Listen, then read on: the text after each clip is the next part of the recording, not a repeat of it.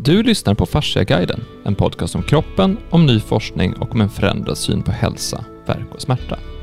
Jag heter Axel Bolin och är er programledare idag. Idag sitter jag här med Hans Bolin, Ivar Bolin och Per Johansson. Hej! Hej! Hallå! Hallå! Så vi är fyra stycken nu som ska prata. Och varför har vi fyra samlats då? Jo, för att vi har pratat i tidigare avsnitt om vad en människas potential är. Så när man förstår sin kropp och förstår sin potential, vad innebär det? Och så har vi pratat om hur man själv börjar grotta i det här, för börja förstå vem man, vem man är, vem man skulle kunna vara och hur man kan utvecklas som människa.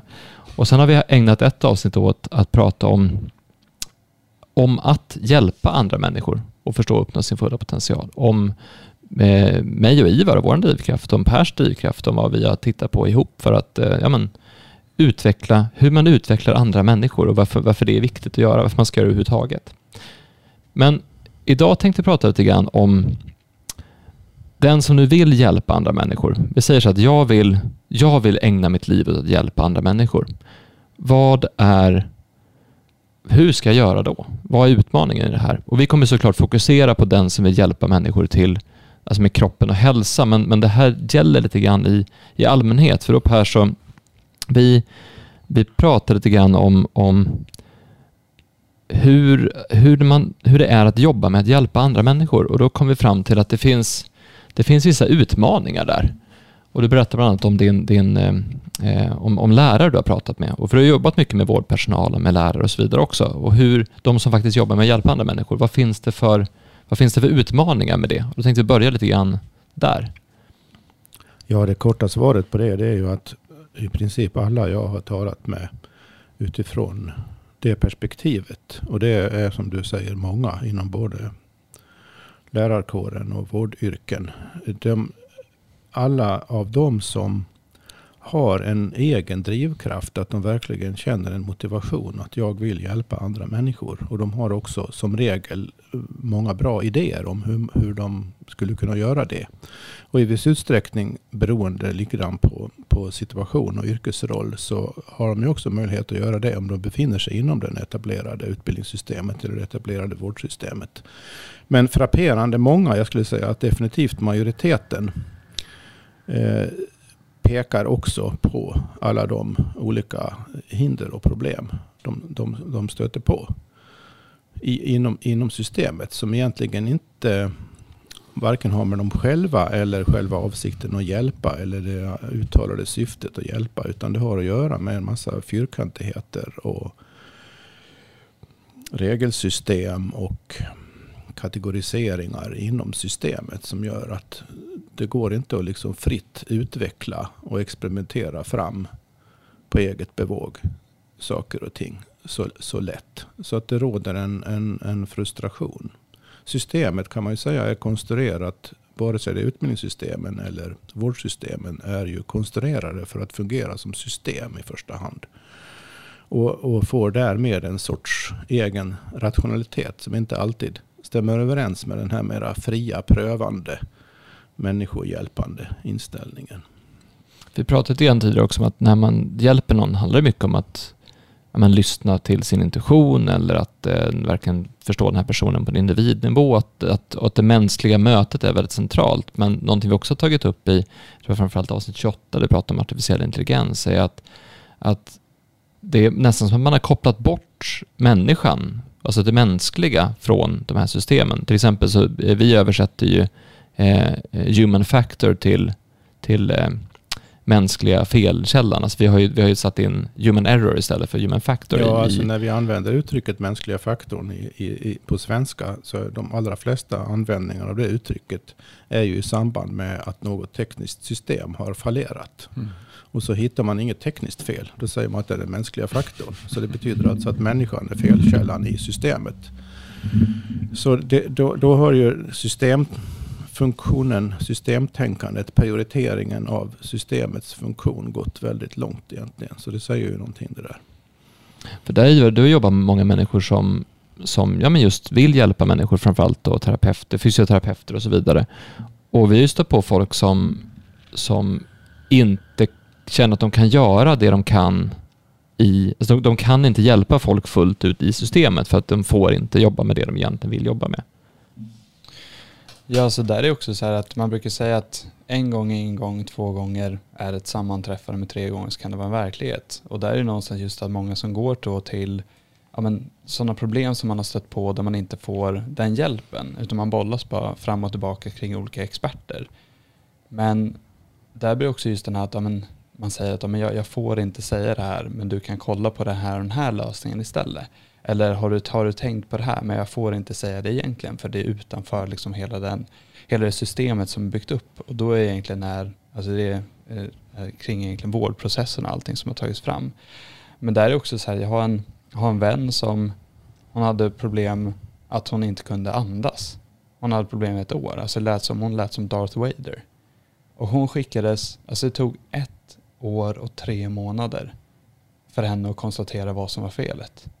Och det den läkaren kom fram till då, det var att han tog egentligen första röntgenbilder och liksom bara kollade på det och kollade på ett helhets, alltså synsätt kring det hela. Och då fick hon hjälp på tre veckor så hon kunde börja andas igen. Och det här var en sån nivå så att hon inte kunde, om, hon, om det här hade fortsatt så kanske hon bara slutade andas en dag. För det var bara några millimeter egentligen hela luftstrupen kvar. Men hon hade alltså bollats då, jag tror det var bland mellan 8 och 13 olika experter inom olika områden. Istället för någon som bara kollade på, på allting. Mm. Och där är ju någonstans också den här delen av att varför har vi delat upp allting? Varför finns det inte en lösning egentligen för då allt? Men sen mm. också just att de här systemen, att man bara skickar vidare. Utan liksom bara, men har du kollat på det här och det här istället? Att alla har den kunskapen kring det. Det är precis det systemen gör när man har delat upp det i olika fack och specialiteter. Det är ju en väsentlig del av just systemfunktionen som får systemen att rulla, rulla på. Om du som individ i systemet då vill tänka i vidare banor så går du så att säga utanför din, mm. din specifika funktion i mm. systemet. Och det är det som blir frustrerande då om man själv är på väg mot eller har en helhetssyn och vill tänka i andra banor om man är i systemet. Jag hade en gång med, jag tror jag berättade förut, men jag var i Eh, det var en kompis med som jobbade med utmärkelsen svensk kvalitet som skulle träffa Karolinska och prata med dem om hur totalkvalitet var. Och då ville han att jag skulle komma dit och berätta om kundprocesser eh, och kundsystem. Eller framförallt stora. I stora företag som man, som man jobbar med en hel organisation så har man Key Account Manager som är ansvarig för hela företaget. Och då är alla underställda den processen. Alltså, då jobbar man ju, vi har ju stora företag i Sverige, så jag jobbade på Nokia då, då fanns det Key Account Manager för eh, Telia. Och Telia är stort. Och då ska man ha lösningar. Då, då ska man säga, hur, hur, hur, hur sköter vi processen med Telia? Och då menar de att varför han vill att jag ska komma och berätta om det. För egentligen behöver man en key account manager för kroppen. Så att egentligen behöver en kundansvarig i vårdprocessen för kroppen. Så att som, labb, som tar tillbaka allting som finns så att jag får reda på vad det som har hänt. Det var det där, där, där, där. Någon sån finns inte i vården. Det finns ingen kundansvarig.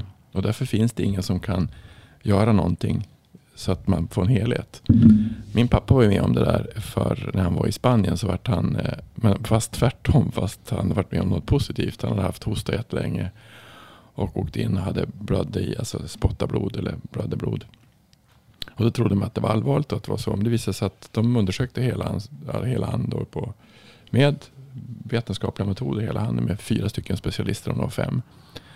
Och de kom då, lungorna, men de kom inte ända ner. Så de gjorde en skiktröntgen ända ner mot buken då. Och, alltså mot bäckenet. Och såg de att han hade en, ett aortabrock på 6 cm. Det hade visste de inte innan. Men varför han har fått det, det visste de inte heller i och för sig. Men, men de konstaterade att han hade ett aortabrock och att han skulle egentligen opereras. Sen vart han flyttad till Umeå och på akutflyg istället. Och de opererade han inte. Varför de inte opererade honom? För att de kunde inte det. Att operera med lokalbedövning.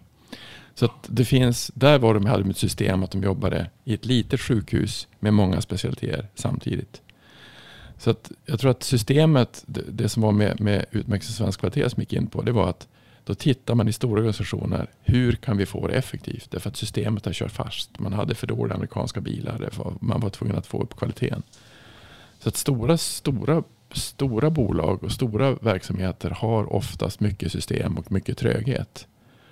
Och det gör att det kan vara svårt att, att lyckas i den, den miljön.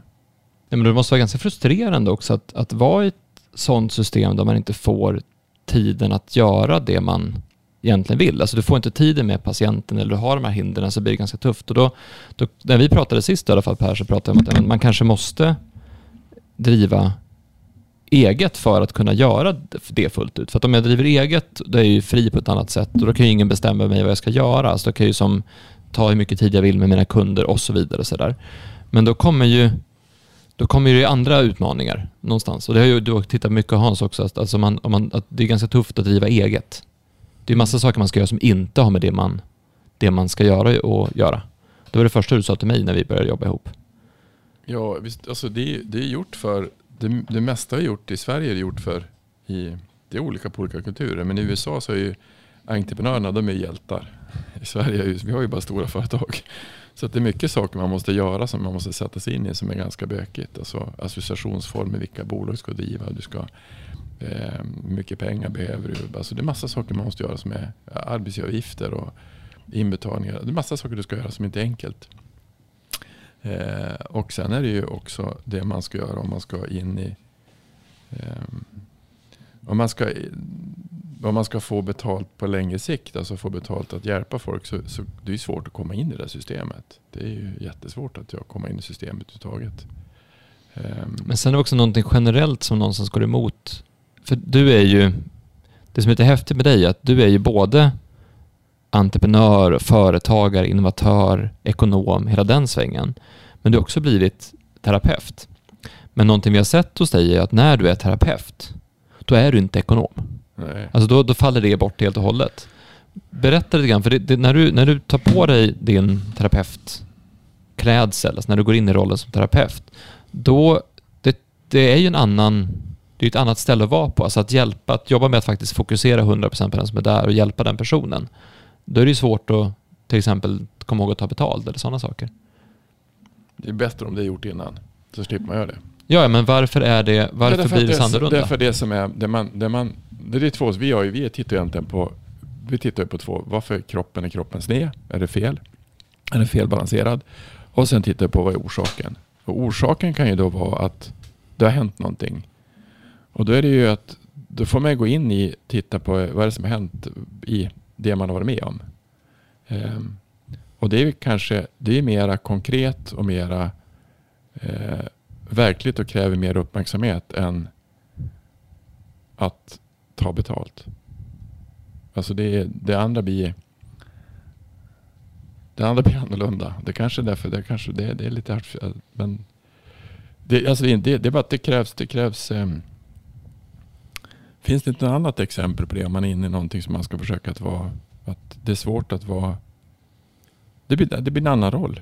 Alltså man går ifrån olika roller, man går ifrån en roll till en annan roll. Alltså det är svårt, det är många musiker och konstnärer har ju också svårt att ta betalt. De, vissa, vi, säga, vissa yrkesgrupper har ju oftast en manager som sköter affärerna åt dem. Och varför har de det? Jo, men det kanske är svårt att tänka, om du ska göra riktigt bra musik kanske det är svårt att tänka på hur den musiken ska slå. Alltså, ja, att men man, är, är det inte ganska specifikt i just den typ av vårdsituationer ni är i? Att, att som regel fungerar det så att kunden betalar i samband med besöket. Ja. Och i andra sammanhang, i andra verksamheter så kan man betala. antingen fakturera eller betala efteråt eller någon, någonting. Och då finns det ekonomifunktioner som sköter det har ju det samma sak, är samma sak på vården. Innan du kommer in så ska du skriva in det. Du betalar ju patientavgiften innan. Du gör ju aldrig något du, läkaren tar aldrig betalt. Aldrig. Nej, Nej, precis. Så att man har löst det där. För att jag tror att det är samma sak. De hade ju, det luriga egentligen som man kollar på som är intressant. Nej, tandläkarna gör inte heller det. De har ju, tandläkarna är ju ganska intressanta. De har ju flyttat allting närmare vårdprocessen. Det är ju lättare att ta röntgenbilder. Det går ju mycket fortare. De har ju mycket mer besök. Och jag tror till och med att, jag tror fortfarande man tar betalt i receptionen. Att man går ut och tar betalt. Ja, det gör man. Så att för det där att ta betalt, det blir att man kastar sig in i någonting annat. För då ska man inte ha det gått igenom. Eh, gick det bra nu? Så den, den, den är rörig därför att det, inte, det, inte, det har inte med den processen att göra. Nej, egentligen. precis. Transaktionen Transaktion, i sig har ingenting med hjälparna att göra. Nej, den transaktionen den ligger fel om den ligger i slutet på behandlingen. Antingen ska den ligga i början, man tar betalt innan.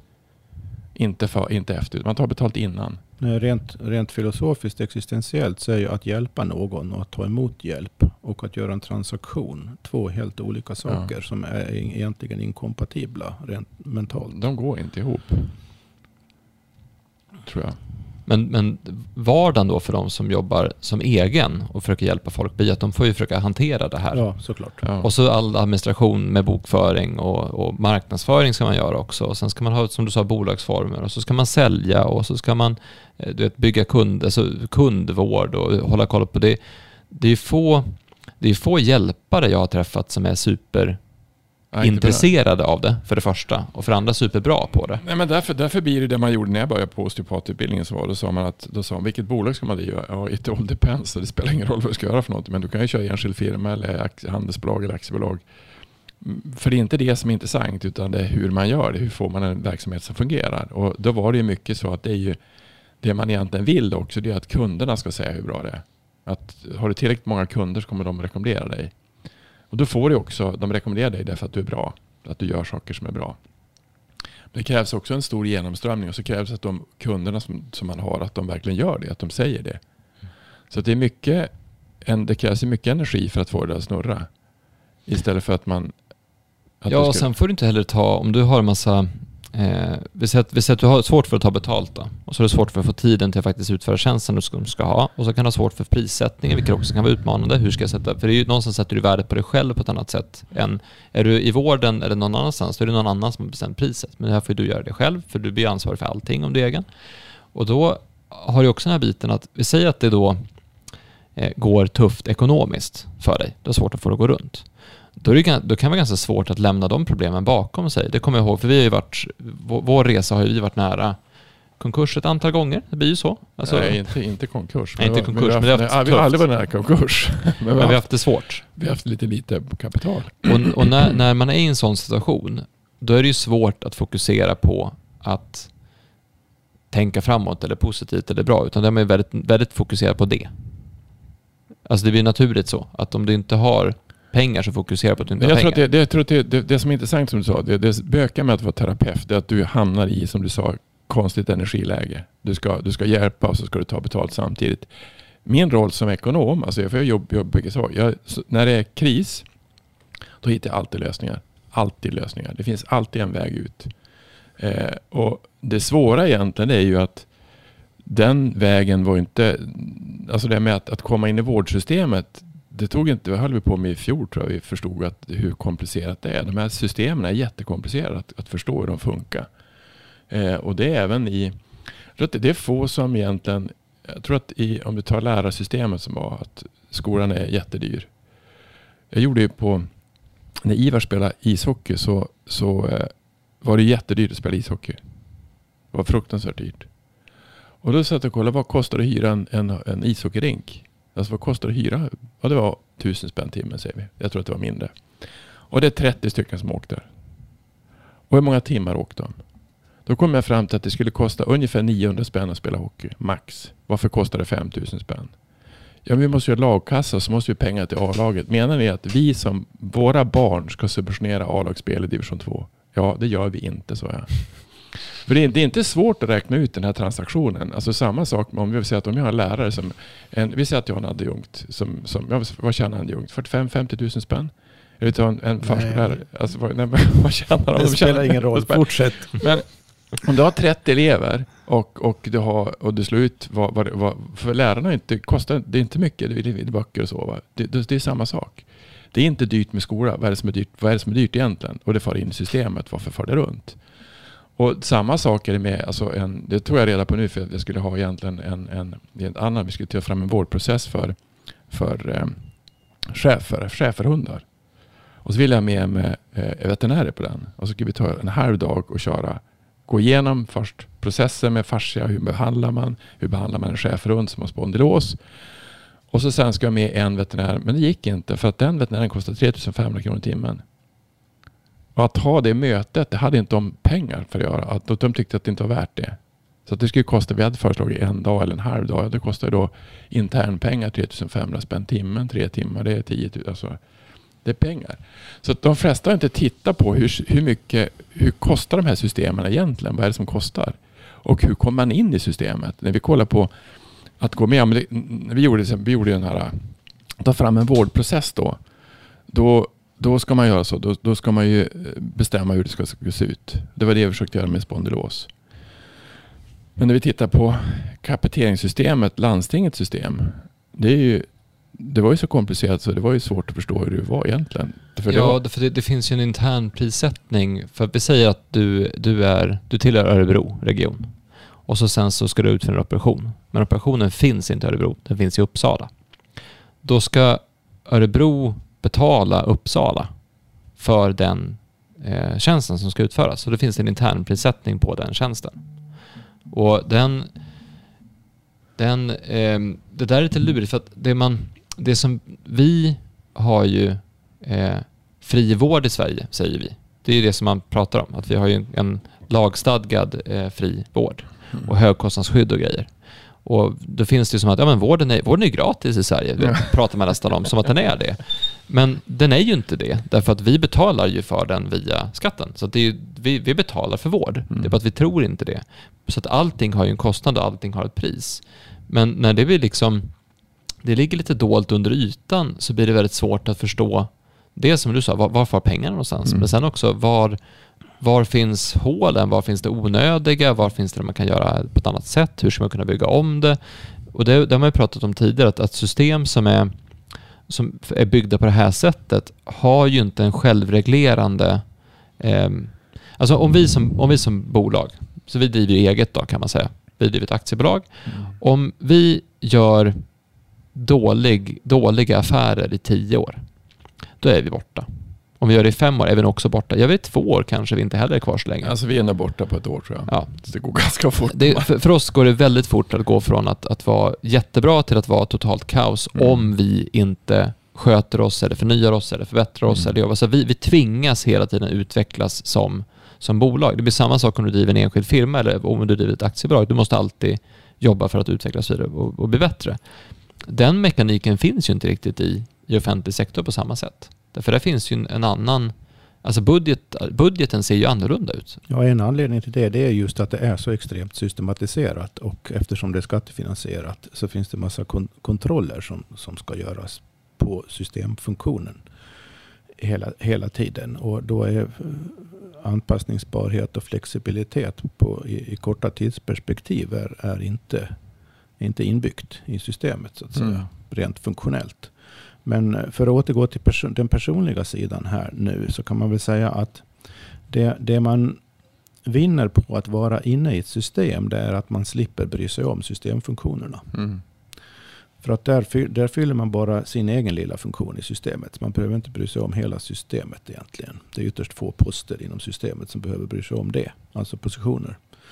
Vad som händer när man lämnar systemet och startar eget eller eh, aldrig går in i systemet och är sin egen det är ju att då hamnar man själv, antingen som person eller med den, den eller då man samarbetar med, mm. totalt i centrum för alltihopa. Mm. Då, måste man lö, då måste man själva lösa alla de problem som systemet annars hade löst till en. Mm. Det är därför vi får den här diskussionen om krocken mellan att ta betalt och, och, och hjälpa andra. Den, den, krocken finns inte inom ett etablerat system med uppdelade funktioner. För där, där, där som läkaren så att säga behöver inte ta emot mm. hundralapparna själv. Utan det är någon annan i systemet som gör det.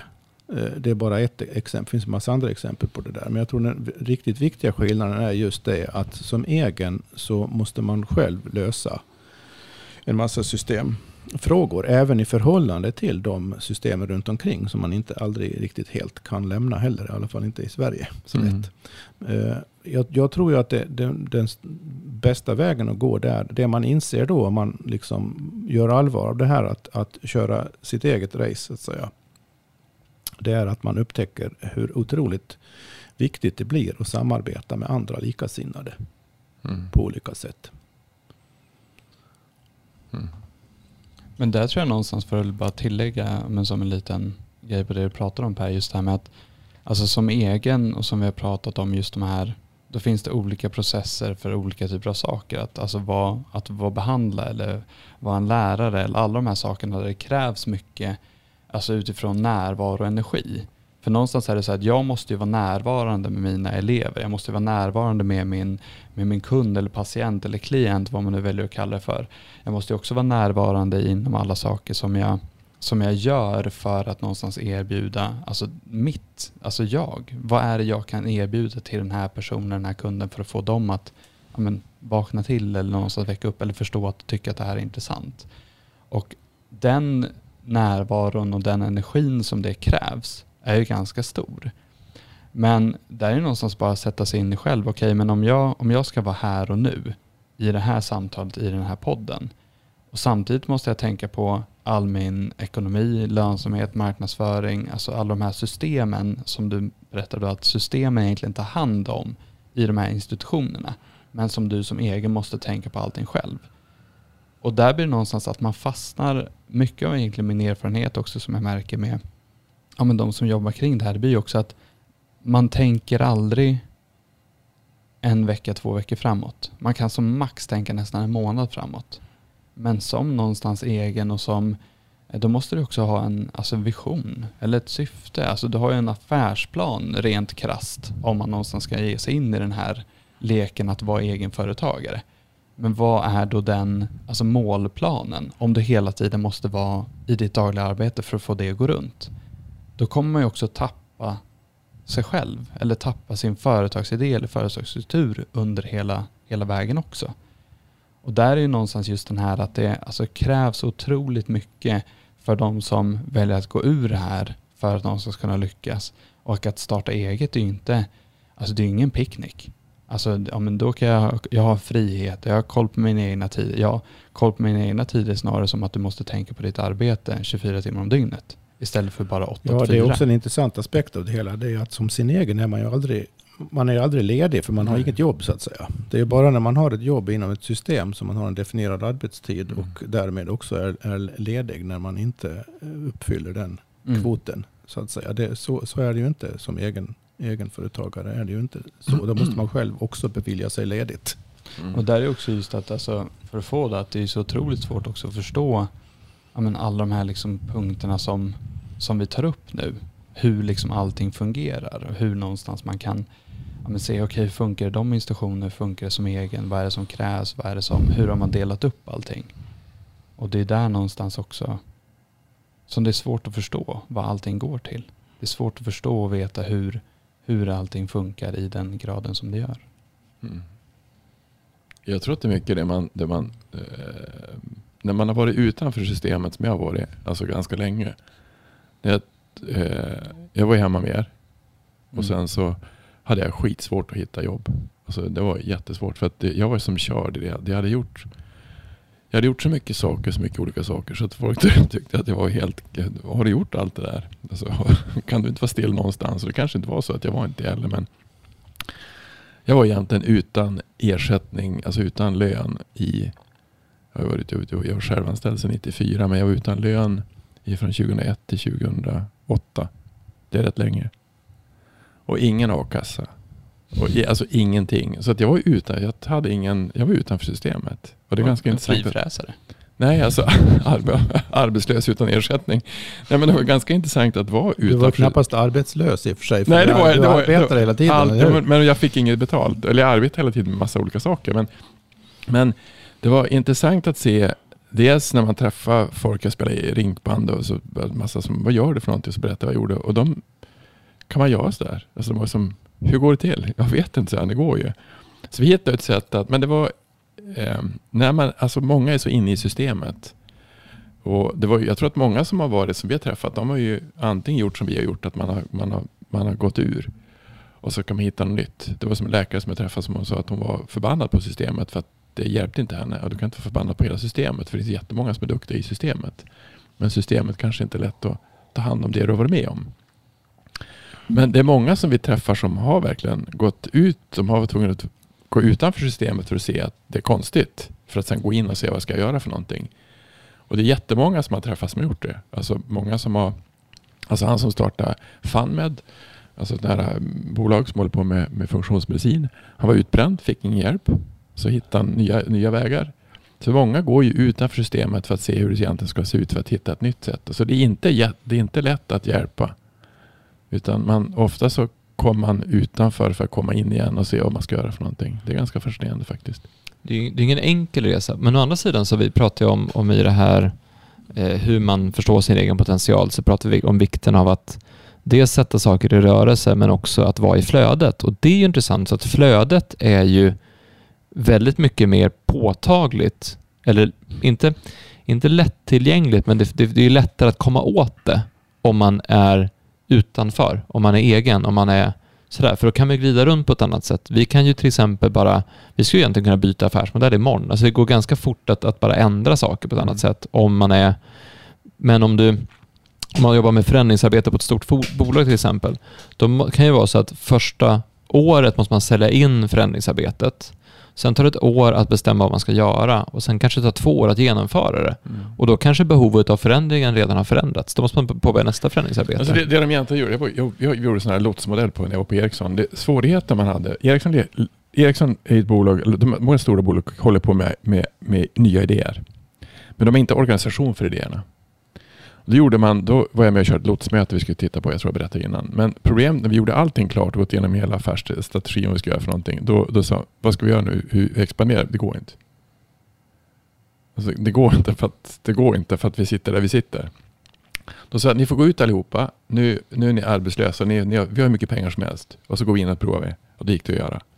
Så att många bolag har ju försökt att göra man letar affärsidéer, sen gör man, knoppar man av dem och gör egna små enheter utav dem, tillsätter på kapital. För att det går inte att utveckla dem i systemet. Och då tror jag man gjort med så tror jag säkert man gör det. Det man tror man försöker göra med de här eh, avknoppningarna på universiteten. Man försöker hitta eh, nya saker att göra saker. Men jag tror att problemet egentligen med, med en del saker att det går som inte att göra för systemet kanske är fel överhuvudtaget. Men återigen från individuell synpunkt så just det här med flöde är, ju centralt. Man, som, e, som egenföretagare blir man otroligt varse flödets betydelse. Det blir helt centralt för allt man håller på med. Att, Mm. att, och, att hålla sig i flödet så mycket som möjligt.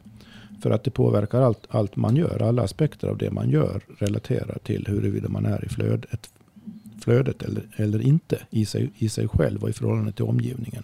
Flöde inom, i en, inom en anställning i vården eller i utbildningen eller vad det nu är på företag eller någonstans. Flödet där relaterar ju från individuell synpunkt bara till huruvida man har eh, tillräckligt flöde i stunden inom specifikt Mm. arbete man gör under si och så många timmar. Men det, på, det, det flödet har inte den här totala livsavgörande betydelsen Mm. på en anställning. För väldigt, väldigt mycket av det du gör kan du göra utan flöde också. Mm. Men som egen så kan du inte göra, kan, blir det väldigt svårt att få det att överhuvudtaget rulla på om du inte är- i flödet tillräckligt mycket. Så Mm. det, återigen, så att, att gå sin egen väg innebär i praktiken, oavsett vilken vinkel man ser på det utifrån, innebär att man själv hamnar oerhört mycket mer i centrum och måste förstå och klara av mycket mer. För att det finns ingenting runt omkring en som förstår och klarar av det åt Mm. en. Vilket också är, ger upphov till allt bra man kan göra då i det Mm. tillståndet. Men det tror jag, det är så, Fröja, det är det som, den som, vi har försökt göra det, men den som är bäst på det, det är du Ivar. Alltså som är, för du har ju alltså att, att skaffa så mycket nya kunder som du gjort och sälja så mycket nya produkter som du gjort, det är rätt makalöst. Du, du, hur gör du egentligen? Nej men alltså någonstans är det just alltså det som du är inne på Per. Just det här med flöde, att någonstans okej men var, alltså gå den, alltså livet är inte så komplicerat. livet är ganska enkelt. Ja. Egentligen. Om man bara bestämmer sig för nu ska det vara enkelt, då blir det ganska enkelt. Om man bara, alltså det är också den här grejen som du tog upp Hans, att ja, men gå ut. Nu, eh, nu är det, du har alla pengar i världen och all tid i världen, vad gör du då? Men sen är det någonstans också det som är i hela den här alltså historien någonstans att hjälpa människor. Okej, men vad är, vad är det du vill göra? Alltså vad är din, vad är en, vad är en känsla? Vad är det du, vad är det du brinner för? Vad är det du gör? Vad är det, vad är det du vill med det här? Och någonstans är det just att alltså, varje, varje person som jag har pratat med, alltså säljmanus det går ju inte. Det är alldeles för, för krångligt. Det är, all, det är alldeles för fyrkantigt. Jag skulle inte passa i systemet. Nej men någonstans blir det just att hitta den här känslan av att okej men vad, vad, är, vad är det en person behöver? Egentligen lite som att vara terapeut. Alltså vara där. Alltså närvarande. Att man någonstans ha den energin. Men sen var det också någonting som jag lärde mig väldigt tidigt också från ja, med dig Hans. Det var just det här att alltså man köper på känsla. Man gör någonting på grund av en känsla. Man tänker så här, åh gud vad skönt det ska vara att åka till Spanien. Då tänker man inte så här, ah, vad kostar det att åka till Spanien? Man tänker så här, nu åker jag till Spanien.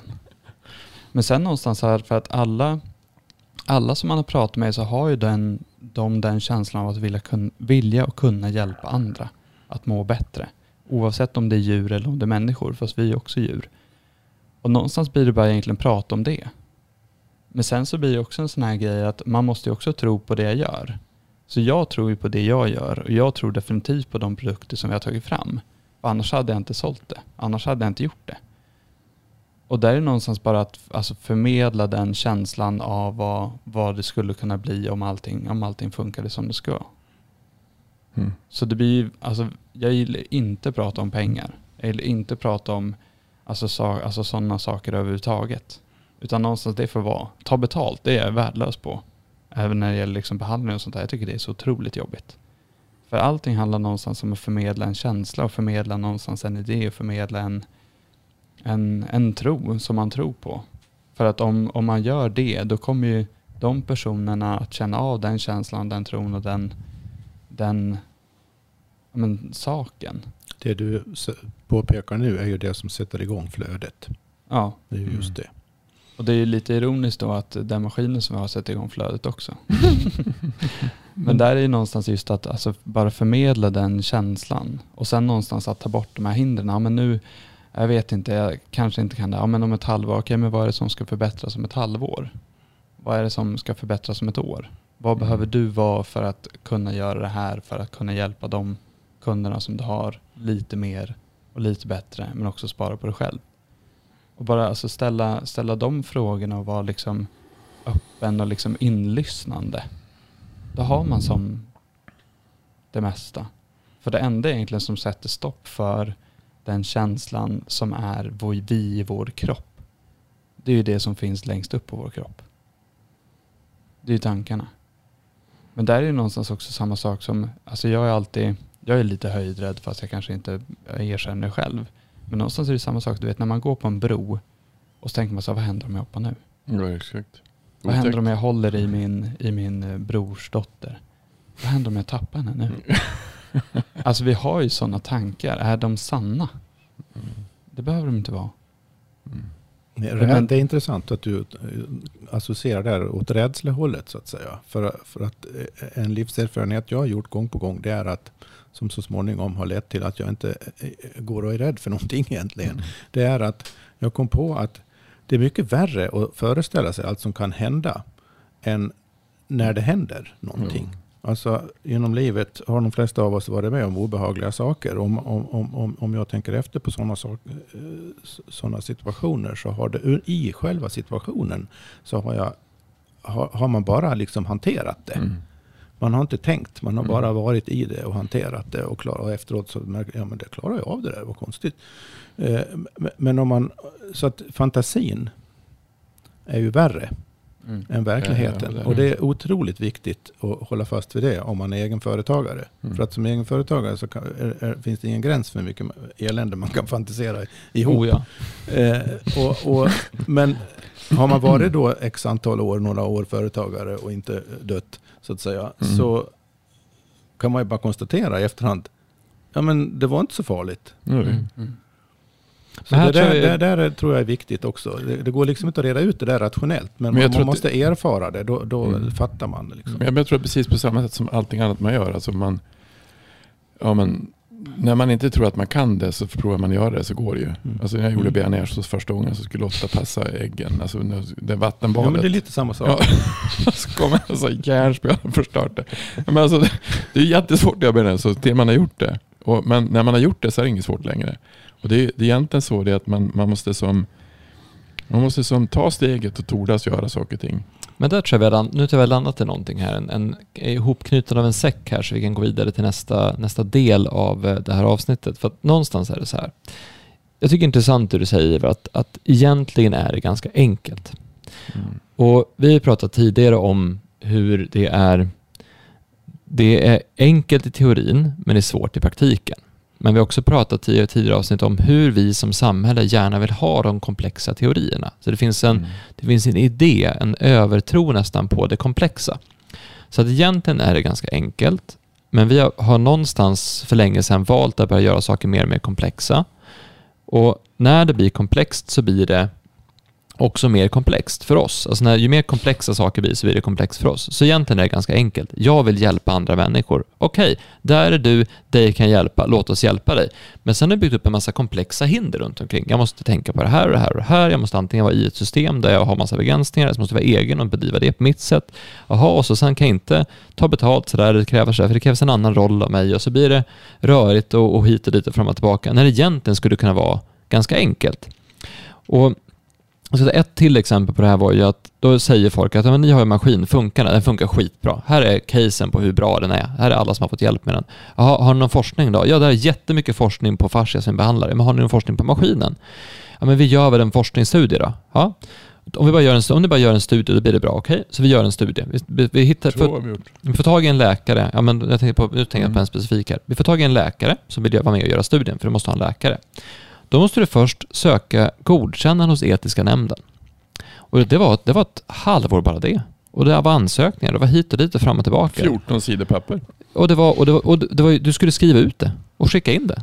Och det var ju två kopior och sånt där. Det var, Mm. vet, det var alltså så mycket administration och pappersarbete och skit och så var du tvungen att läsa det på rätt sätt så att man kunde skriva. Det var inte så här bara det här tänkte vi göra, det här är bra och sådär, utan det var ordentlig liksom, ansökningsprocess. Okej, ja, det är klart. Ska vi hitta folk? Finns det många med frozen shoulder? Ja, 2-5% av befolkningen. Och så ringer du runt oss och kollar vilka skulle kunna komma hit. Och vi fick inte en enda patient. Det var ingen som ville ge oss patienter. Men vi har ju en potentiell lösning här, så vi kan ju testa det. Ge oss bara lite patienter så vi kan testa. Nej, nej, nej.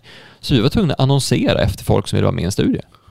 Alltså, vill, vill ni, har du ont? Vi tänkte göra en studie för att se om det funkar, vill du vara med? Och då kom det in folk, så. Men då kom det in folk med, det var ju alla möjliga typer av, vissa hade trippeldiagnoser och vissa hade haft det länge och kort och vissa hade sådär och så var det någon som, du då ska det finnas en, eh, det finns begränsningar hur man gör en studie också, så det var rätt komplicerat att få ihop det där till slut och till slut fick vi ihop en studie. Då skulle den skrivas ihop och så ska den publiceras. Vem ska publicera den då? Så ska man leta efter vem som ska publicera den och så ska den godkännas och så ska den ut och så sen och när den väl då är då godkänd av Etikprövningsnämnden, den är genomförd med läkare, vi har en intressant eh, sådär och så vidare och vi har publicerat den på, en, på en bra, ett bra ställe. Det var då inte heller enkelt kan jag säga. Alltså Nej, nej. på rätt ställe. För det var ju, den var Nej, ju, det var ju det var inte, det var inte tillräckligt intressant för det botar bara 3% av befolkningen på fem. Ja men precis, och det, då är det jätteintressanta resultat men egentligen ska man behöva, behöva göra om en studie med fler, alltså testa olika frekvens på behandlingarna, testa olika lägen, testa att tillföra olika Ja, det saker. de sa egentligen så var dumt. Nej, men det säger jag. Ja, men det de sa egentligen så att ni skulle haft en referensgrupp som inte fick behandling. De finns ju sa vi. De blir inte hjälpta. Nej men precis, men det jag vill illustrera någonstans är att, att hela den här processen att ta fram en sån sak, jag känner inte för att göra en till forskningsstudie efter det kan jag säga. Det är inte så att det, det var otroligt tidsbemödande och resultatet är att visst vi har en studie, men det är ändå ingen från institutionellt håll som bryr sig. Därför att den passar ju inte in i deras paradigm eller deras sätt att jobba på. Så att någonstans så, så är, ska man införa någonting som är nytt och som ska vara enkelt och som ska vara liksom, det här är en enkel lösning på någonting. Det här är ett sätt att göra saker på ett annat sätt. Då finns det inte plats i de system som finns. Så tänkte vi så här, vi får bygga ett nytt system. Och det vi tillägger egentligen i det här också som jag tycker är intressant med den här studien som vi gjorde. Och det är två saker bara som en liten reflektion sen för att fortsätta Axel. Det blir ju ett, det här som egentligen Hans sa att okej då ska man ha en, en kontrollgrupp som inte ska få behandling. Då ska vi alltså ha en maskin där vi inte har på den. Alltså då går vi emot allting som vi är. Att hjälpa andra människor. Vi gjorde ju den här för att hjälpa andra som har det här problemet. Ja men då får de väl gå runt och ha ont då. Då ska vi ta in dem, slösa någons tid för att sen egentligen bara dutta på dem i ja, men Jag fick inte upp 30-40 det alls. minuter. Fick inte, ja. Nej, utan de, de ska bara vara där. Ja, vad händer nu? Ja, men tack, gå hem. Och sen så den andra saken, det är ju någonstans också det här med att, att alltså man, man måste ju behandla allting. Just det här som du sa, att ja, men då passar det inte in i alltså den kanske liksom processen eller systemen som man har kört. För där är också så att i den här studien så behandlar vi, vi behandlar ju hela kroppen. Fast det gjorde vi i studien också. Ja, men Mm. där är det någonstans också att, det, att ha den här helhetssynen och helhets, Alltså tänket för att någonstans bli av med den här eh, alltså verken som är då frozen shoulder. Mm. Ja men där är ju någonstans också att då blir det ju inte bara en injektion av någonting i en axel. Det blir Mm. inte heller bara att okej gör det här, gör den här operationen. Utan nu måste vi någonstans se till allting. Och det kan ju också vara någonstans, okej men varför den inte blev accepterad. Nu gör jag så här situationstecken. Men det ser ju inte ni som lyssnar. Mm. Nej, men då- då, om man då ska bygga det här själv då. Då får man ju som eh, ofta när man stöter på någonting som, ja men vilka är ni? Alltså sådär så. Eh, till exempel så har vi en utbildning vi har tagit fram och då är det de som går den utbildningen blir de är fruktansvärt duktiga på att behandla folk. Alltså de lär sig se på helhet, de lär sig rätta till kroppen, balans och hållning, rörlighet och avslappning. Och de börjar få så bra resultat så att folk börjar komma bara av ryktet. Alltså det, de, är, de är riktigt duktiga eh, på att jobba. Sen så kan man ju såklart alltså fortbilda sig och bli bättre i alla fall, men de är väldigt duktiga de som har gått den kursen. Men då blir det så här, ja men Jaha, men vilka är de, är de, är de legitimerade då, eller är de certifierade? Ja, men vilka är det som har gjort det här? Då måste vi som förklara någonstans. Det finns en lång förklaring, måste förklara först då Åke, kursläraren, ja, men han är osteopat, han utbildar sig så här länge och behandlat så här många och gör så där. Men då är osteopat är ju en, en titel som har jättehög status i Tyskland eller England eller Australien eller sådär, eller Frankrike, i USA, men den har ingen hög status i Sverige på samma sätt som den har där till exempel. Och så sen så har då Camilla, då är hon, hon har ju byggt hon har alltså byggt en forskningsdatabas med typ 5000 artiklar, läst hur mycket som helst om olika saker, verkligen satt sig in i kroppen på molekylär nivå. Men, men då, då vilken titel har hon då? Och så Ivar, vad har du för titel? Vad har jag för titel? Vad har Hans för titel? Och då börjar det bli som en sån här... Det finns ju en utmaning när man ska göra saker själv i att man måste någonstans... Man måste ju ha legitimitet. Det måste finnas en trovärdighet bakom hur jag gör. Och då pratar vi Per lite grann om det här med... Med leg, alltså vikten av legitimitet och hur man får legitimitet. Och det tänkte jag vi ska ta en, ett varv runt den innan vi pratar om den sista Alltså vad, vad vi står här idag egentligen. Ja, inom systemen, inom institutionerna så får man ju le- legitimitet genom att det finns, eh, man skulle nästan kunna kalla det för automatiska legitimeringssystem. Det vill säga har du gått en viss utbildning ett visst antal år och klarat av den så blir du legitimerad sjuksköterska eller legitimerad eh, fysioterapeut eller legitimerad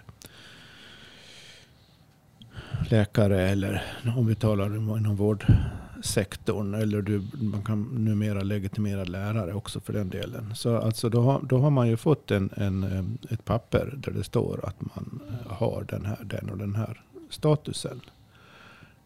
Så fungerar det ju inte då om du gör saker på e egen hand. Vad är det som ger dig Vad är det som ger, låt oss säga så här, det finns ju, kan ta en, eh, jämföra med kultur. Verksamhet, musik och liknande, konst. Om du, det finns ju ingen, okej du kan som musiker eller konstnär, du kan gå en utbildning då också såklart. Men det är ju ingen som tycker att du är en bra musiker eller en bra konstnär bara för att du har gått en utbildning. Du kan liksom, det, det, det finns, skulle vara någon sorts absurditet om någon kallades för legitimerad saxofonist. Utan det enda som räknas är huruvida spelar han bra. Ja. är han bra eller inte? Ja, eller hur? Ja, så en- den personen är ju då, ska ju skapat sin egen status genom att vara suverän på det, det hon eller han gör. Mm.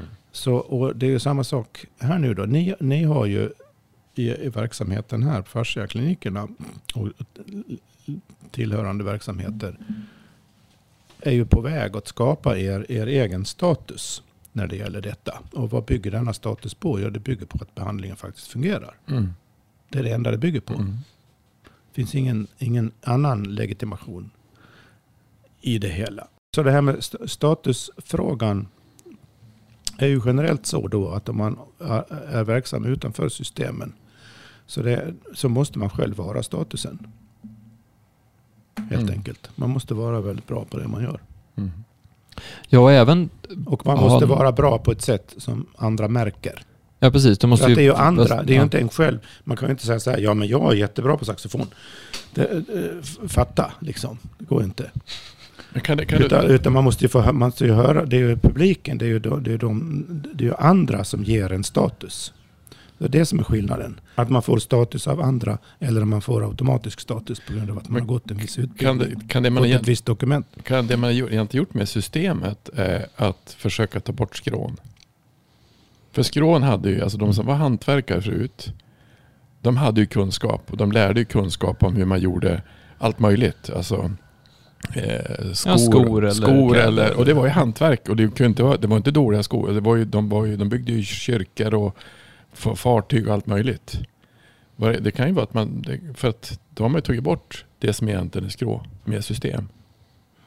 Fast kanske inte i vissa, vissa sektorer. Men det här är ju egentligen ett skråyrke. Alltså manuell terapeut blir ett Ja, skråyrke. historiskt sett så är det ju så som du säger. Men jag tycker någonstans också det är intressant det du lyfter för att där var också så här, jag har ju haft eh, mycket med hantverk att göra på senaste tiden. Eh, för jag har gjort lite saker hemma. Men då var det också så här för att en då en rörkille som var, han, han sa det att ja, men hans chef, han är, han har jobbat på lite olika alltså, rörfirmor och lite sånt där, men han har sånt otroligt alltså, renommé, en otrolig status. För att han liksom, bra kille. Alltså han vet vad han, han gör. Han liksom, det var också som en kille sa, just att man ser inte problem, man ser bara utmaningar. Och hur tar man lösningar på den utmaningen? Men han, han var ju inte, han hade inte gått någon rörskola eller rörmokeskola eller något sånt där.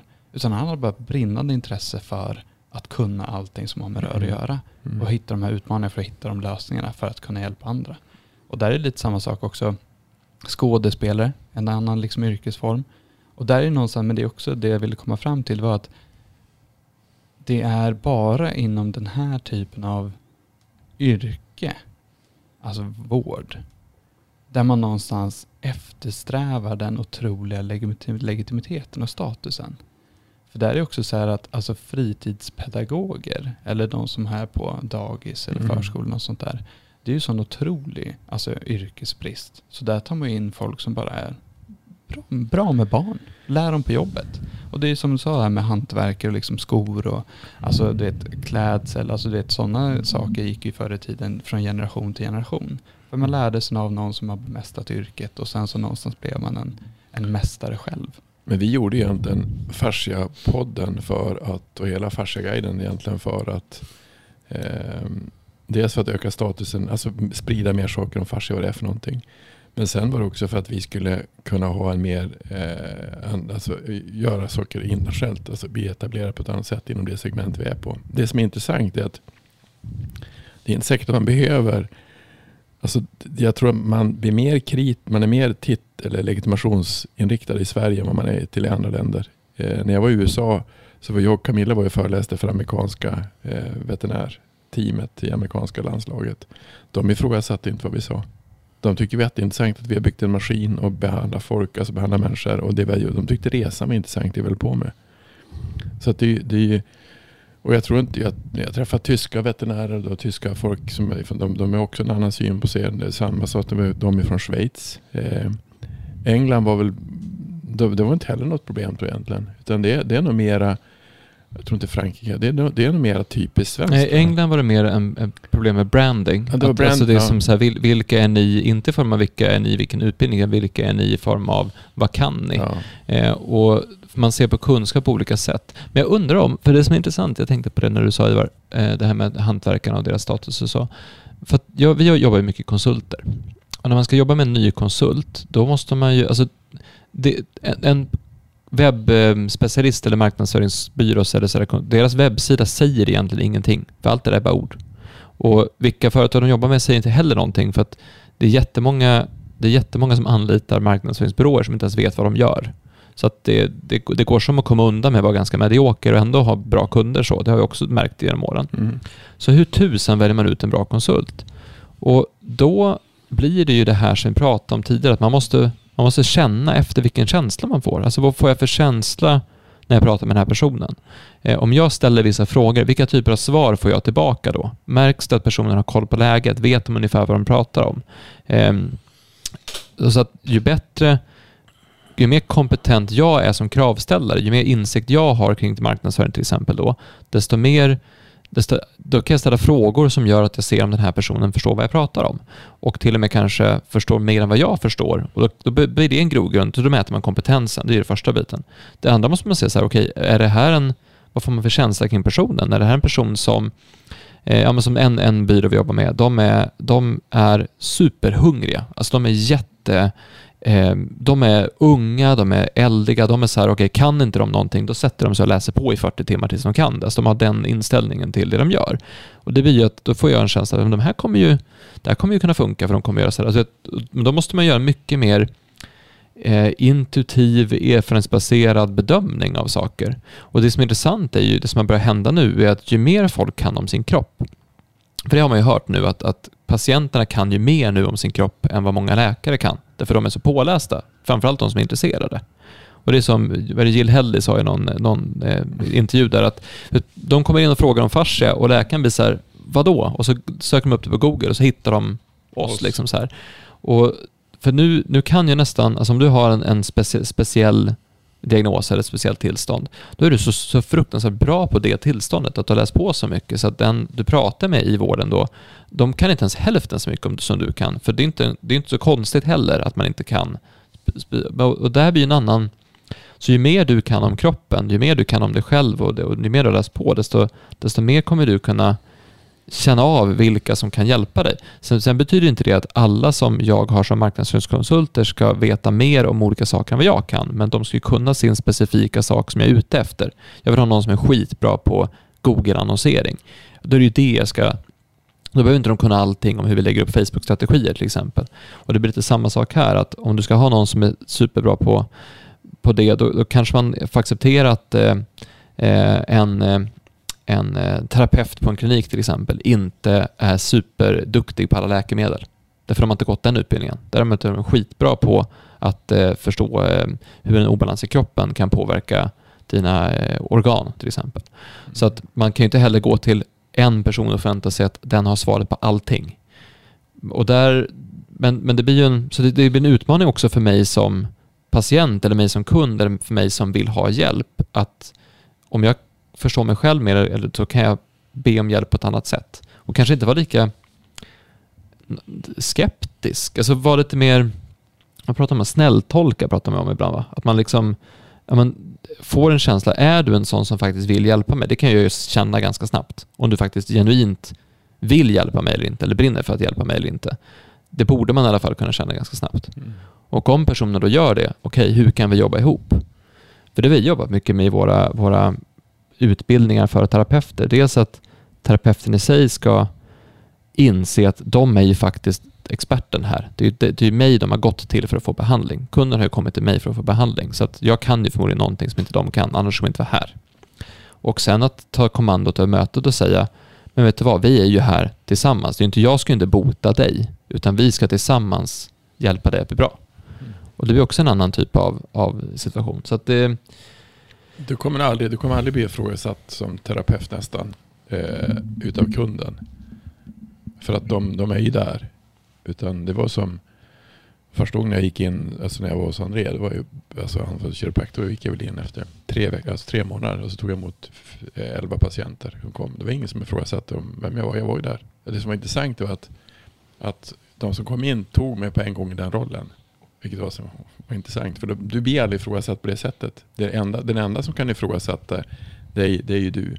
Och sen så... Ja, men och, och om du gör det? Om du ifrågasätter dig själv? Om jag, om jag, då blir det körigt. Och sen den enda som... Om jag, om jag blir ifrågasatt utav den som kommer och den som kommer egentligen är ansvarig för sig själv. Då kan man ju få som... Alltså det finns ju folk, om jag vill hjälpa folk, men det kommer folk som inte kan bli hjälpta därför att de är för sjuka. Då får du problem och det måste man kanske säga. Vi hade någon, som, vi har, jag hade någon stycke som jag bara skickade hem. Därför att de, har, de äter för mycket mediciner. Jag kan inte svara på vad som händer i deras kropp med 15 mediciner. Då, då får de så, söka upp experterna som skriver ut de medicinerna. För det kommer påverka hela kroppen. Så om jag sätter igång någonting då. då kanske, då, det, det är också, vad kan man göra? Man kan inte göra det. Då har det hänt något annat. Det är för mycket medicinering. Det är också lite som du var inne på där för en stund sedan Per. Just det här med att att samarbeta. Alltså någonstans ska hitta, hitta svaren eller hitta andra lösningar liksom runt omkring. För där är också någonstans som vi, alltså om jag får in en, en person som har ont och jag inte vet svaren. Men då någonstans tar jag också på mig att okej, okay, men du kommer hit, du ska bli hjälpt, ja, men då ska du ta mig tusan bli hjälpt. Och om inte jag kan svaren, då hittar jag någon som kan det. Mm. Och där är just att ha då till exempel att ja, men vi är fem terapeuter på den här kliniken till exempel. Alla har ju sina bakgrunder, alla har ju sina erfarenheter, alla har ju sina kunskaper. Och där är också samma sak med det, alltså det nätverk och allting som vi har byggt upp. Att ja, men det, finns, det finns svar någonstans. Mm. Men det är också så vi kan ju fortfarande inte göra allting själv. Vi kan inte bära allas problem på våra egna axlar och tro att någonstans ja, men vi ska bli någon, alltså, någon jätte, jätte som bara bär allas problem. Det går ju inte heller. Men däremot så kan vi skicka vidare. Vi kan vara öppna, ärliga och inlyssnande på de kunder som kommer. Och sen någonstans just att ja, men det är deras kropp. Det är, alltså det är deras egentligen problem. Och jag är ju egentligen bara en, en vägledare i det. För att se okay, hur, kan vi, hur kan vi hjälpa till? Hur kan vi någonstans se till så att ja, men du mår bättre på ett eller annat sätt? Mm. Och det är här som fascia blir så otroligt spännande. Därför att med fascia så är det som att alla måste börja om från scratch, som Vibeke säger i sin intervju. Alltså äh, det, det, det är totalt nytt. Det är ett helt nytt sätt att se på kroppen. Och det blir en annan, det blir en annan ödmjukhet till hela, hela grejen. Därför att det är så få som... Alltså vi har ju läst på väldigt mycket om fascia. Vi har byggt en forskningsdatabas, vi har spelat in en massa podcastavsnitt, vi har tagit fram dokumentärfilmer, vi har tagit fram utbildningar, vi har hållit på med behandling i flera år just kring fascia. Och samtidigt så är det så mycket vi inte förstår och så mycket som vi inte kan. Så att de senaste, vi spelade in avsnitt 66 och avsnitt 67 om, om det ena om vatten och det andra om rörelse och mekanotransduktion. Och vi bara, jaha, kan det vara så här? Alltså det är så, det är så mycket nytt och så mycket spännande och så mycket annorlunda så att vi, vi blir fortfarande överraskade då och då, alltså ganska ofta, i att oj, kan det vara så? Jag hade en kille, nu, jag hade två stycken. En, en karl som jag behandlar nu, som hade, han har slitit sönder en, alltså fallslagit sig slitit sönder en muskel i armen. Och den är, den är två centimeter ifrån muskelfästet. Eh, och det att om vi tar bort trycket då, då kommer den växa tillbaka. Hur då? Hur då? Ja men den borde göra det. Alltså för att om vilda djur, alltså de, de läker sig själva också. Men den kan väl inte växa tillbaka? Varför ska den inte kunna göra det? Jag har ju varit med om att jag hade stämbandsförlamning. Den, den, den nerven växte ju tillbaka, hittade till, tillbaka till var den skulle vara någonstans. Så då ska jag försöka, då ringde han mig igår, så kan du, kan du skicka, alltså, vi har en släkting som är läkare, kan, kan du skicka förklaring på hur det skulle kunna hända? Ja, det kan jag kanske göra. Frågan var ska vi börja någonstans? För det blir ju inte så enkelt. Och så att, då jag sa att vi kan testa och behandla och se om det här funkar. Att det här växer tillbaka på ett, en och en halv vecka. Eh, och så se om det känns bättre. Och det känns ju bättre efter tre behandlingar. Jag vet inte om det har vuxit tillbaka än. Men det borde kunna göra det. Alltså, det är, alltså om kroppen är självgenererande, om kroppen kan göra saker och ting, varför skulle inte den kunna få fascian att dra muskeln upp så att det växer ihop? Det är ju ingen som har... Det är, men det borde kunna gå. Eller, alltså, jag hade, eller jag var så att, Grejen är att, att, att se på kroppen som helhet, vad kroppen kan göra för någonting. Eh, det, alltså vi har ju embryotiska celler som tillverkar nya saker hela tiden. Vi har en, en fasciacyter som bygger, eller eh, fibroblaster som bygger nya strukturer hela tiden. Och de är tredimensionella. Jag träffade en läkare som hade, ansatt man hade, han var kirurg, han hade opererat en massa, jag tror jag berättade förut, han hade opererat en massa höfter och han slutade sy. Han, han kollade bara att blodkällan var där. Sen sydde han inget mer. Och när han öppnade dem efter tio år fanns det inga sår. Så hur fungerar det egentligen? Så fascia är jätteintressant som perspektiv både på förutsättningar att läka och, och sätt att se på saker och ting. Men det är ju ett helt annat sätt att se på kroppen. Men där blir det någonstans också den här grejen att alltså vi läker ju ingenting. Vi botar ju ingenting heller. Utan vi Nej. ger bara kroppen rätt förutsättningar för att kunna göra det. För där är det också som du säger någonstans att om, om, om ett sår som är så stort som det kan bli liksom en höft och det plötsligt bara läker. Eller Mm. om en, en muskel liksom, eller alltså egentligen, varför tänker man inte på benbrott? Alltså en ben går av och så plötsligt så läker det det. läker ju. Och det, det är liksom, det är klart det gör. Ja Ja. men varför skulle inte vad som helst kunna bli det? Om man ger rätt förutsättningar. För där är det någonstans här för att alltså den enda som är ansvarig för mitt liv, det är jag själv. Mm. Och då måste jag se till att jag tar hand om den kroppen och den, det livet som jag lever på bästa möjliga sätt. Och där är också den här tanken som du, alltså det enda som egentligen är, som jag tänkte när du berättade den här historien nu Hans, det är också så här, okej okay, det enda som är i vägen för honom det är det som sitter längst upp på kroppen. Ja. Varför ska det inte gå? Och Nej så, men det kommer inte gå. Nej det kommer inte, Och det- den är av. Nej det går inte. Nej, men han, han, han köpte ju till slut att det skulle kunna gå, men sen var han på fyra midsommar med en släkting som, som sa att det borde inte kunna gå. Sa han, jag försöker förklara hur det går. Kan du förklara hur det går? Jag kan inte förklara det. Men, så att om jag är också ekonom, hur ska vi kunna förklara någonting som faktiskt händer hela tiden i kroppen? Utifrån ett perspektiv att allting sitter ihop. Och då skickade han, jag skickade en fasciafilm och så skickade jag den här med att eh, eh, eh, brosk läker lika fort som muskler. Men det var en, alltså, den andra sak som vi gjorde också för, det var Ebba.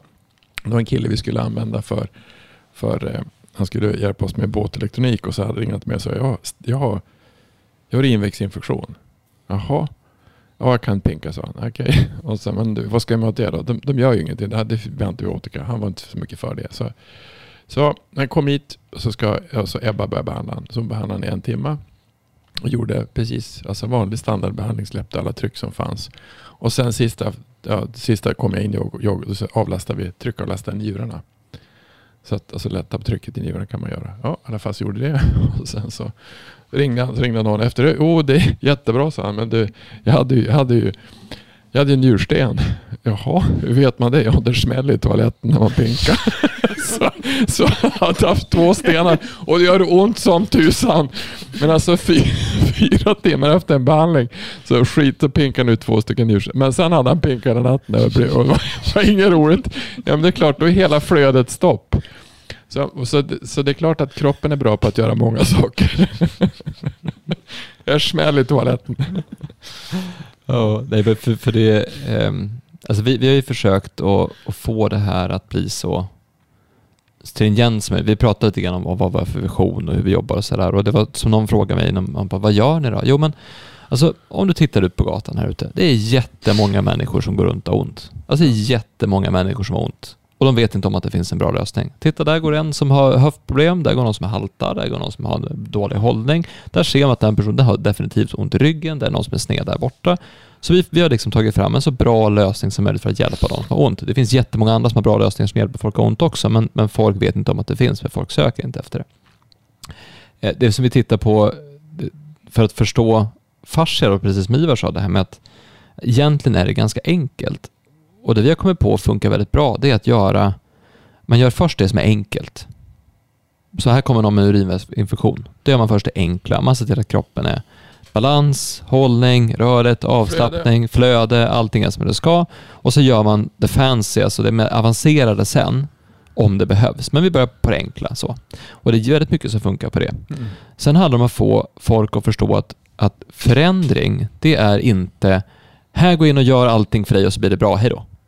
Utan det är att du ska göra små saker hela tiden som gör skillnad. Alltså du, tänk på att andas varje dag, tänk på att röra dig varje dag, ät på ett annat sätt, se på dig själv på ett annat sätt, eh, ge dig själv en kram. Alltså det, det är små saker du gör hela tiden som skapar förändring. För det är så, alltså någonstans om Alltså man pratar om att det finns livsstilsrelaterade problem. Och då måste man ju ändra sin livsstil. Annars får man ju tillbaka dem, eller hur? Så att, så att göra de här små sakerna. Och sen som Ivar sa, vi botar ingenting. Vi ger bara kroppen förutsättning för att läka. Det är också viktigt att man, man, man är inne på rätt spår där. Och det här med att man är, man är alltså jag, det gäller att få alla att förstå att man själv är ansvarig för sin kropp, sin hälsa, sitt liv och om man är egen för sin verksamhet också. Alltså det är jag som är ansvarig för mitt liv. Det, man får ju det automatiskt lite grann om man driver eget, att man får ju väldigt mycket ansvar helt plötsligt. Det kan ju vara skrämmande, men det är också ganska, det är också ganska häftigt att jag är chef över mitt liv. Det är ju lite är empowering. Det är tufft och jobbigt, men jag skulle inte vilja ha det på något annat sätt nu när man har testat det ett tag. Mm. Och sen slutligen så, så pratar vi om att, att man ska göra det man är bra på. För om jag gör det jag är bra på så blir det bättre för alla. Mm. Och det där kommer någonstans, de där måtten har vi uppe på, på väggen. Liksom. Enkelt först, avancerat sen och ifall det behövs. Det är de små sakerna som är skillnad. Vi hjälper, ger kroppen förutsättningar för att läka. Jag är ansvarig för mitt eget liv. Och om jag gör det jag är bra på så blir det bra för alla. Och någonstans så, så det där kommer ifrån, det, det funkar ganska bra. Vi har testat det där nu i, i något år. Och det, det blir väldigt enkelt att hantera saker då. Att man alltid försöker göra enkelt. Vad säger du Ivar? Nej men alltså någonstans är det också som... Alltså ja. Alltså om man följer de här sakerna. Om man gör det privat eller om man gör det företagsmässigt, om man är egen eller vad det nu kan vara. Alltså bara, bara testa det. Alltså testa de här små sakerna. Alltså var ansvarig för ens eget. Och det är också så att jag berättar det här för mig själv. Samtidigt som jag berättar för alla som jag pratar med, samtidigt som jag berättar för alla kunder jag får. Att, ja men, tänk på det här, gör det här. Ja men jag har så ont, jag har så ont. Ja men bestäm dig för att inte ont då. Mm. Och se vad som händer. Och där är ju någonstans också den här att, ja men, alltså tanken och liksom göra de här sakerna. Och där är någonstans, det är det, det är det som är grejen. Att de här små, små, små, små sakerna. Att hela tiden göra dem och få en, för där är också någonting som är att om, om du börjar med någonting, vi säger att nu ska jag, eh, jag ska gå upp och jogga varje morgon när jag vaknar, för det är bra för mig i mitt liv, kan det då vara. Men där, om du gör det i två veckor, då kommer du göra det efter det också.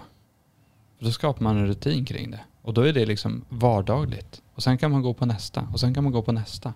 Och där är någonstans att, att det handlar inte heller om att göra de här stora revolutionerande förändringarna. För oh gud vad jobbigt det är. Jag skulle ha en sån här grej som en, en kvinna sa till mig här på kliniken för vi hade gjort sån här blodprover och dittan duttan. För då hade jag lite olika brister och då skulle jag inte äta någonting som hade mejeri och kött eller något sånt där på kvällen. Och så skulle jag inte ha någonting med gluten eller något sånt där heller. Jag fick inte ha någon alltså, du vet, sås eller alltså dittan duttan heller. Och du vet, jag testade det i tre dagar. Jag tänkte fan nu, alltså nu, alltså nu mår jag dåligt. Alltså, nu, nu mår jag inte bra i psyket av att liksom hålla på så här. Så såg jag min sambo, för hon ville inte göra det här med mig. Utan då kollade jag på vad hon, ä, vad hon åt och hur mycket hon njöt. Och så satt jag där med min liksom lilla soppa. Tusan. Men sen var det också så här, för, men det är, inte, det är inte det. Det är inte att göra de här radikala förändringarna. Utan det är att okej, ja, men nu skär jag bort det här. Bara det här lilla, det kan jag leva utan. Och sen när jag har gjort det, när jag har vant mig vid det, då kan jag göra andra. Eller då kan jag börja ta alltså, längre promenader på kvällen. Mm. Då kan jag börja göra det här och det här. Och det är sådana det är såna små saker, när man börjar få in de rutinerna, det är då jag märker liksom på de här alltså kunderna som man får in eller vänner eller ja, men, släktingar eller något sånt. Det är då det börjar hända saker. Mm. Det är då man någonstans börjar få den här förändringen. Och det är det, det, är det någonstans att den, den lösningen, den kan man ju bara söka sig inom sig själv. Vad behöver jag? Ja men, vad är, ja men det går inte, ja men det där är vägen, ja men släpp det. Du har all tid i världen, du har alla pengar i världen, du har allting som du behöver. Vad behöver du göra för att må bättre här och nu?